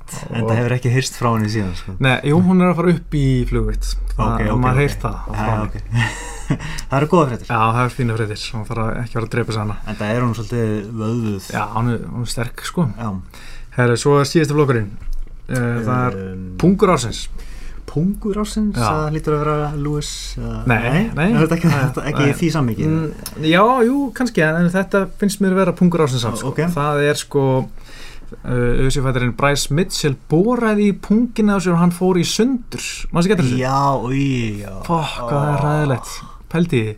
Þú veist, hann var, er svolítið að setja upp eitthvað, Ah. hann var að gera eitthvað heima á sér Já. og hann setja upp borvilina, eða skrúfuvél held ég, vantalega, Mm. í vasan á sér, hún fer af stað og það festist eitthvað í pungin og hann ripnar eitthvað Mm. og hann sko náttúrulega fyrir bara beint upp á spítala Mhm. og hérna og þú veist bara, og hann segir bara it's split in half Já, Úff. ég, ég bara get ekki eins og niður Þetta er svona something about Mary dæmi, sko já, algjörlega Ógeðslegt, sko og hann síndi ekki myndir af þessu, hann síndi bara myndir Já, sem af betur fyrr blóðu um nærböksunum sínum sko Já, það var, ugh, Það vill enginn sjá þetta nei, en, en þetta var pungur ásins já, Já Ég var með eitthvað aðeins meira Leðilegast bara daginn mm.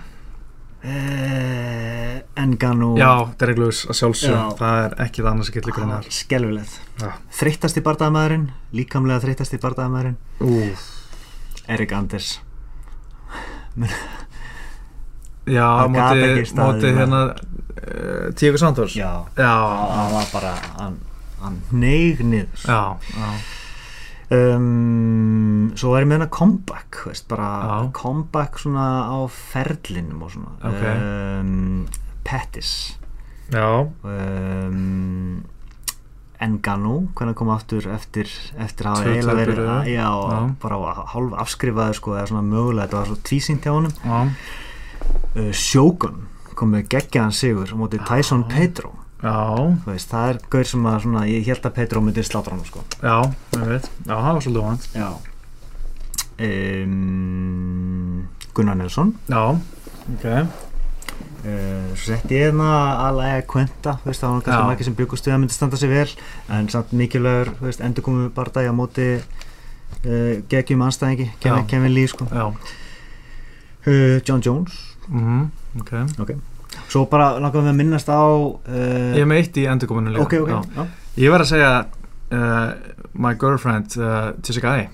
Ást, eh, góð, góð vinkonu mín, Jessica A. Hún var Ok. með fjögutöpuröð, Já. barast í september 2016, Mhm. tapað fyrir Besku hega, svo kemur hún janúar 2018, sigur, júni og desember allt sigrar og er uh, sennilega að fara að berast með titilin núna. Ah, Ok, já, það er, það er vel að sviki Já, um, Bellator aðeins eh, já, Þessi mót, þungaugtar og veltavita mótin já. það var bara hefnast frábælega vel sko. já. Þannig að Uh, mér- sérstaklega allan að, já, þungaðamóti náttúrulega og nánast bara búið, það er að fara að klárast núna í, Já. í janúar. veltu þetta búin svona rétt að byrja eiginlega Já. en, en þetta, mist, ég er bara mjög gaman að þessu hérna sko. Já, þannig að það er smá kredit til þeirra sko. já.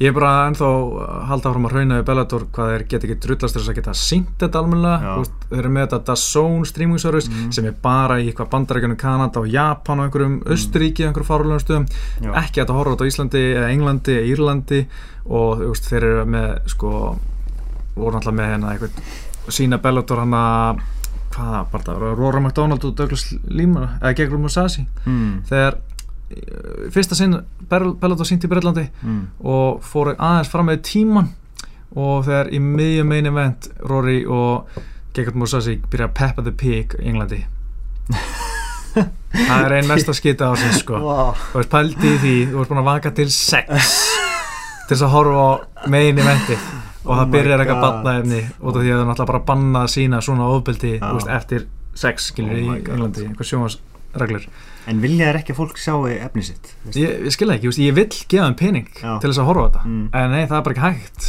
Nei.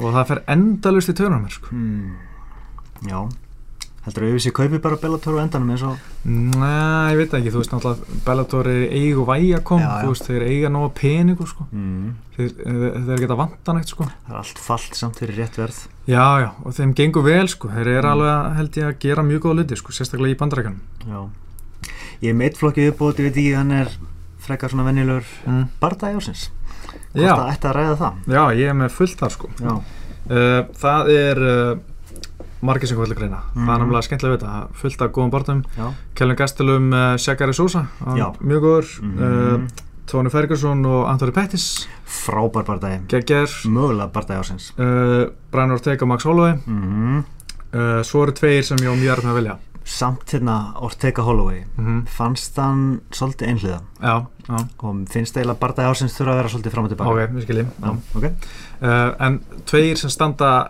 upp úr Mm. mínum að því og er, er þetta að velja það er Justin Gaethje og uh, Dustin Poirier Já, og hérna Robert Whittaker og Jól Romero 2 já, Þeir tveir fannst mér yfir bestir og ég valdi á endanum uh, Dustin Poirier og Justin Gaethje ég held ég taki Whittaker Romero því ég var í salnum Já, Það var bara, alveg, já. bara geggjað moment sko. Já, en uh, já, allt mjög gott stöf uh, það sem ég er með meira uh, Felder Perry Mike Perry og, og Paul já, Felder já, já það var já, svolítið skemmtilegu bara dæn Já, svolítið harður og Já. svolítið blóður já, já, uh, og svo annar hérna Dustin Poirier bara dæn móti Eddie Alvarez já, mjög góður mjög góður Poyer er eiginlega bara alltaf í góðum barnum Já, sko. einmitt. Hann er, e, nefndur þú Shakari Whiteman Nei. nei.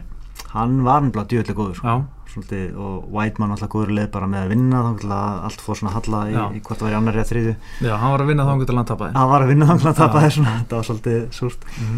og svo Thiago Santos og Manua eins Já. og myndist á aðeins áðan Mhm. e, Edson Barbosa og Hooker mér fannst það Já, rosalega barndagi bara að- að Hooker skuli e, láta vaða að reyna að standa Já. og sparka með Edson Barbosa þetta var bara svona hvað er ég að horfa á sko. já, e, en það náttúrulega endaði eins og, eins og maður hefði haldið að sl- slík tilrænum Já. myndi enda sko. já En um að gera reyna alltaf, ég meina ég er gaman að því sko. en samt mistök Já, e, DJ og Henry Sohudo það Mhm. var djúðlega góða barndagi já, kannski ekki að vera svona teknilegur já, tæmlega svona, já og einn nýjubót Sabit og Kyle Bosniak Já, Bosniak. já, skellur það var skemmtilegur mm. og óvæntu líka því að maður held að Sabit myndi Já. allt yfir hann sko. Já, og hann var, var svolítið dominandi í byrjun en Bokni að gæla bara svona neita að gefa sig og já það var þar með er minn listi búinn Já, þetta er uh, fullt af stöffi sem fórum upp, upp yfir hérna já, uh, hérna við ætlum bara að segja þetta gott bara já Búin held að sér vera orðið djöfulli langt held ég Já. og ég vona að sé einhver ennþá hlust allavega alveg öruglega ekki en við bara þökkum áruna, ég heiti Pétur ég er óskar og við erum sæl